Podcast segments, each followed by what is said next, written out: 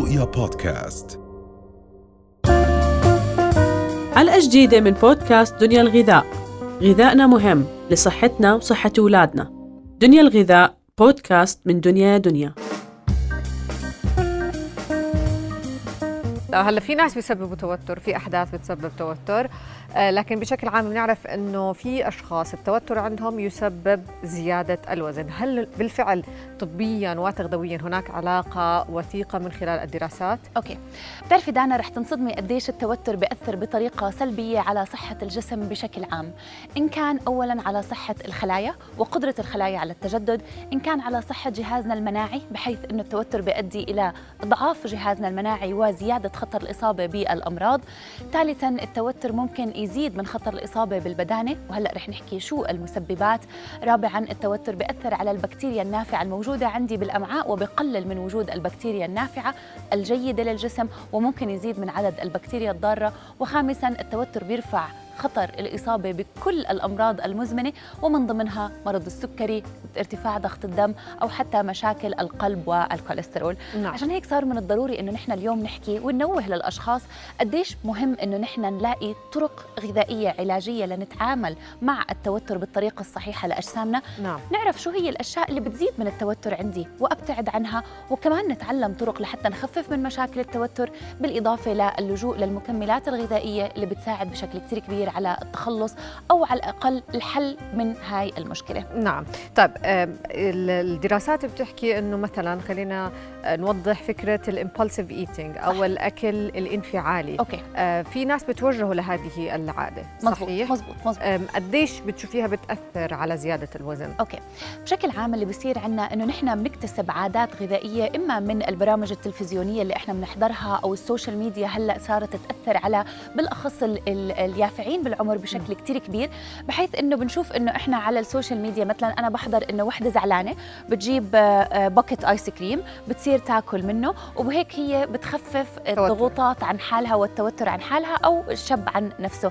ممكن الشباب تلجأ أكثر للحوم للأشياء الدسمة. هذا الشيء طبعا بيزرع بعقلنا الباطني إنه أنا بس أتوتر أو بس أمر بأي حالة صعبة رح أحاول إني أقلد هاي الطريقة لإنه أنا شفت إنها أدت إلى نتيجة إيجابية. هذا مشهد دقيق؟ صفر. ما له علاقة في الواقع. ابدا. مم. اللي بيصير بالواقع هو العكس تماما. إحنا لما بنستهلك كميات كثير كبيرة من السكر على سبيل المثال البوظة فيها كميات كثير كبيرة من السكر وإحنا ما بننتبه قديش السكر فيها عالي لأنه طعمها بارد وعادة إحنا ما نستطعم بالسكر على الطعم البارد قد ما كان ساخن. نعم. فإذا بنشرب البوظة نفسها لما تدوب بتحسيها بتحرق الحلق قد ما فيها سكر ولكن لما تكون باردة بنقدر نتحملها لأنه الخلايا المذاق بتقدر تتحمل السكر على درجات حرارة أعلى. باردة بالضبط بطريقة أفضل. نعم. فاللي بصير إنه نحن بيكون عندي آه، نسب الأنسولين بالدم عادية باخذ كميات كثير كبيرة مفاجئة إما من السكر أو من الدهون وبالأخص تركيزنا على السكر. اللي بصير إنه بيرتفع الأنسولين بالجسم بشكل مفاجئ بفوق قدرة البنكرياس على التعامل معه. فبصير البنكرياس عم بيفرز نسبة أنسولين كثير عالية لحتى يتعامل مع السكر الكثير اللي أنا أخذته نعم. زيادة إفراز ال ال ال الأنسولين من قبل البنكرياس المفاجئة للتعامل مع السكر المفاجئ بيؤدي إلى ارتفاع مفاجئ وبالتالي هبوط مفاجئ نعم. فممكن يشعروا بسعادة لحظية بسبب ارتفاع مستويات السكر بالدم ولكن سرعان ما دغري البنكرياس بيتعامل معه وبينخفض بشكل مباشر وهذا الشيء بيؤدي إلى شعور بعدم السعادة آه. بالضبط بطريقة أكبر وبالتالي بقلل من إفراز هرمونات السعادة السيروتونين الدوبامين. بالإضافة إنه بصير في عندي الشعور بالذنب على اللي أنا عملته فبصير عندي الحالة النفسية أسوأ مما كانت نعم. قبل عليه. نعم. آه كنت بدك تكملي كمان نقطة تفضلي. في شغلة أساسية إحنا بدنا آه ننتبه عليها تأثير المشاهد اللي إحنا بنتابعها على عقلنا الباطني كتير كبيرة. طبعا. عشان هيك مش كل شيء إحنا بنتابعه لازم عن جد إنه نحن نتأثر فيه وناخده بعين الاعتبار وأصير بدي أقلده. لازم إنه نحن نحتكم لعقلنا قبل ما نتصرف بأي تصرف وعن جد أقدر أقيم الحالة الصحية تبعت جسمي م.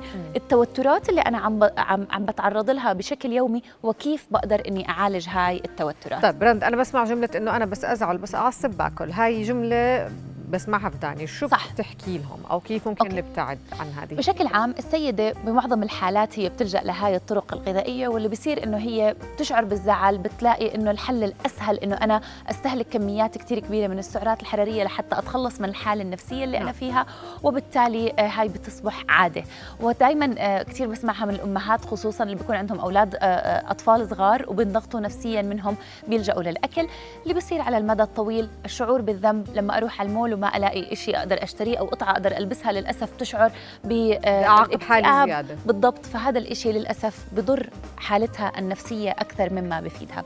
لازم دانا كل شخص فينا يقدر يحدد الضغوطات اليومية اللي هو بيقدر اللي عم بيتعرض لها. في أشياء بقدر إني أتفاداها وفي أشياء من الصعب إني أتفاداها. مثلا أش- من الأشخاص اللي بتوتر من من السواقة مثلا بس أوكي. هذا الإشي أنا ما بقدر بالضبط. فبدي أحاول أتعامل, أتعامل. معه. ولكن الأشياء اللي بقدر أتفاداها إذا بعرف إنه أنا بالتعامل مع هذا الشخص أو بالتعامل مع ها- بهاي الطريقة رح يؤدي إلى التوتر فبدي أتفاداه بشكل كامل. نعم. بعدين بدي أسير ألاقي طرق أخرى. نعم. معظم الدراسات الدراسات بتثبت إنه الرياضة هي الحل للتخلص من مشاكل التوتر وارتفاع مستوى الأدرينالين اللي عندي بالجسم. نعم. دائما التوتر بي- بيصطحب معه ارتفاع في مستوى هرمون الأدرينالين فهذا الشيء بيعطي الشخص سعرات حرارية عالية. إذا رحت صرفت هذا المجهود بالأكل رح أشعر بطريقة سلبية أكبر ولكن إذا أنا استثمرت هذا الوقت ومارست فيه أي نوع من أنواع الرياضة اللي أنا بستمتع فيها ممكن الست إذا بتشعر حالها كثير مضغوطة أو الرجل. بس لو يمشوا حوالين البيت عشر دقائق. لو في عندنا بلكونة صغيرة ممكن نمشي فيها هذا كله بخفف من الضغوطات في عندنا طرق التنفس بالطريقة الصحيحة على نعم. فكرة هاي البريذنج لا لو على الأقل دقيقة واحدة ننظم كيف إحنا عم نتنفس ونملأ الرئتين بالهواء رح يساعد بالتخلص من التوتر وثالثا طبعا الارتكاز على الأغذية الصحية المضادة للالتهاب بتساعد بشكل كتير كبير على التخلص من التوتر. نعم. وهي بتيجي ضمن نظام غذائي صحي. في أغذية بتقلل توتر زي ما بنسمع؟ طبعا. مم. كل ما كان الغذاء مليء بنسب اوميجا 3 أعلى زيت السمك أو الزيوت المضادة للالتهاب الاوميجا 3 نعم. بالإضافة للاغذيه اللي بتقلل من الالتهاب عندي بالجسم كل ما هذا الشيء بيساعد بشكل أكبر على التخلص من التوتر. نعم. طبعا بتشمل هاي الأغذية زيت الاوميجا 3 على شكل مكمل غذائي بنقدر ناخذ سمك السلمون على شكل يومي أو على شكل يومي مرتين في الأسبوع sorry أو بنقدر ناخذ التونة اللي بتساعد بشكل كتير كبير على آه، أعطائنا نسب جيدة من الاوميجا 3 المكسرات بجميع أنواعها بتساعد بشكل كتير كبير. فإذا بلشنا نهارنا بكوب من القهوة مع ثلاث إلى سبع حبات لوز جوز آه، فستق كل هاي الأشياء بتساعد على آخذ إنه كميات جيدة من الدهون. كمان بنقدر نركز على الأفوكادو أو أي من الخضار الورقية الداكنة اللي بتعطيني نسب جيدة من البوتاسيوم. نعم.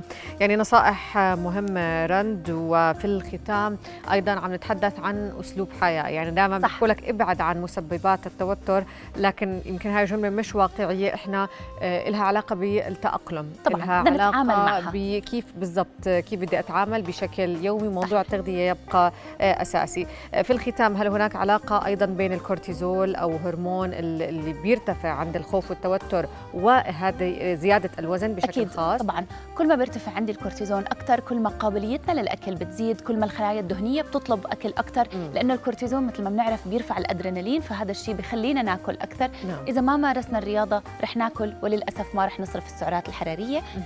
بشكل بس مبسط دانا دائما اللجوء للمكملات الغذائية المفيدة بيساعد بشكل كتير كبير مهم. مكملين ممكن يساعدوا بشكل كبير على التعامل مع مشاكل الضغوطات اولا فيتامينات B بكل أنواعها نعم. من B 2 B 3 B 6 بيساعدوا بشكل كتير كبير.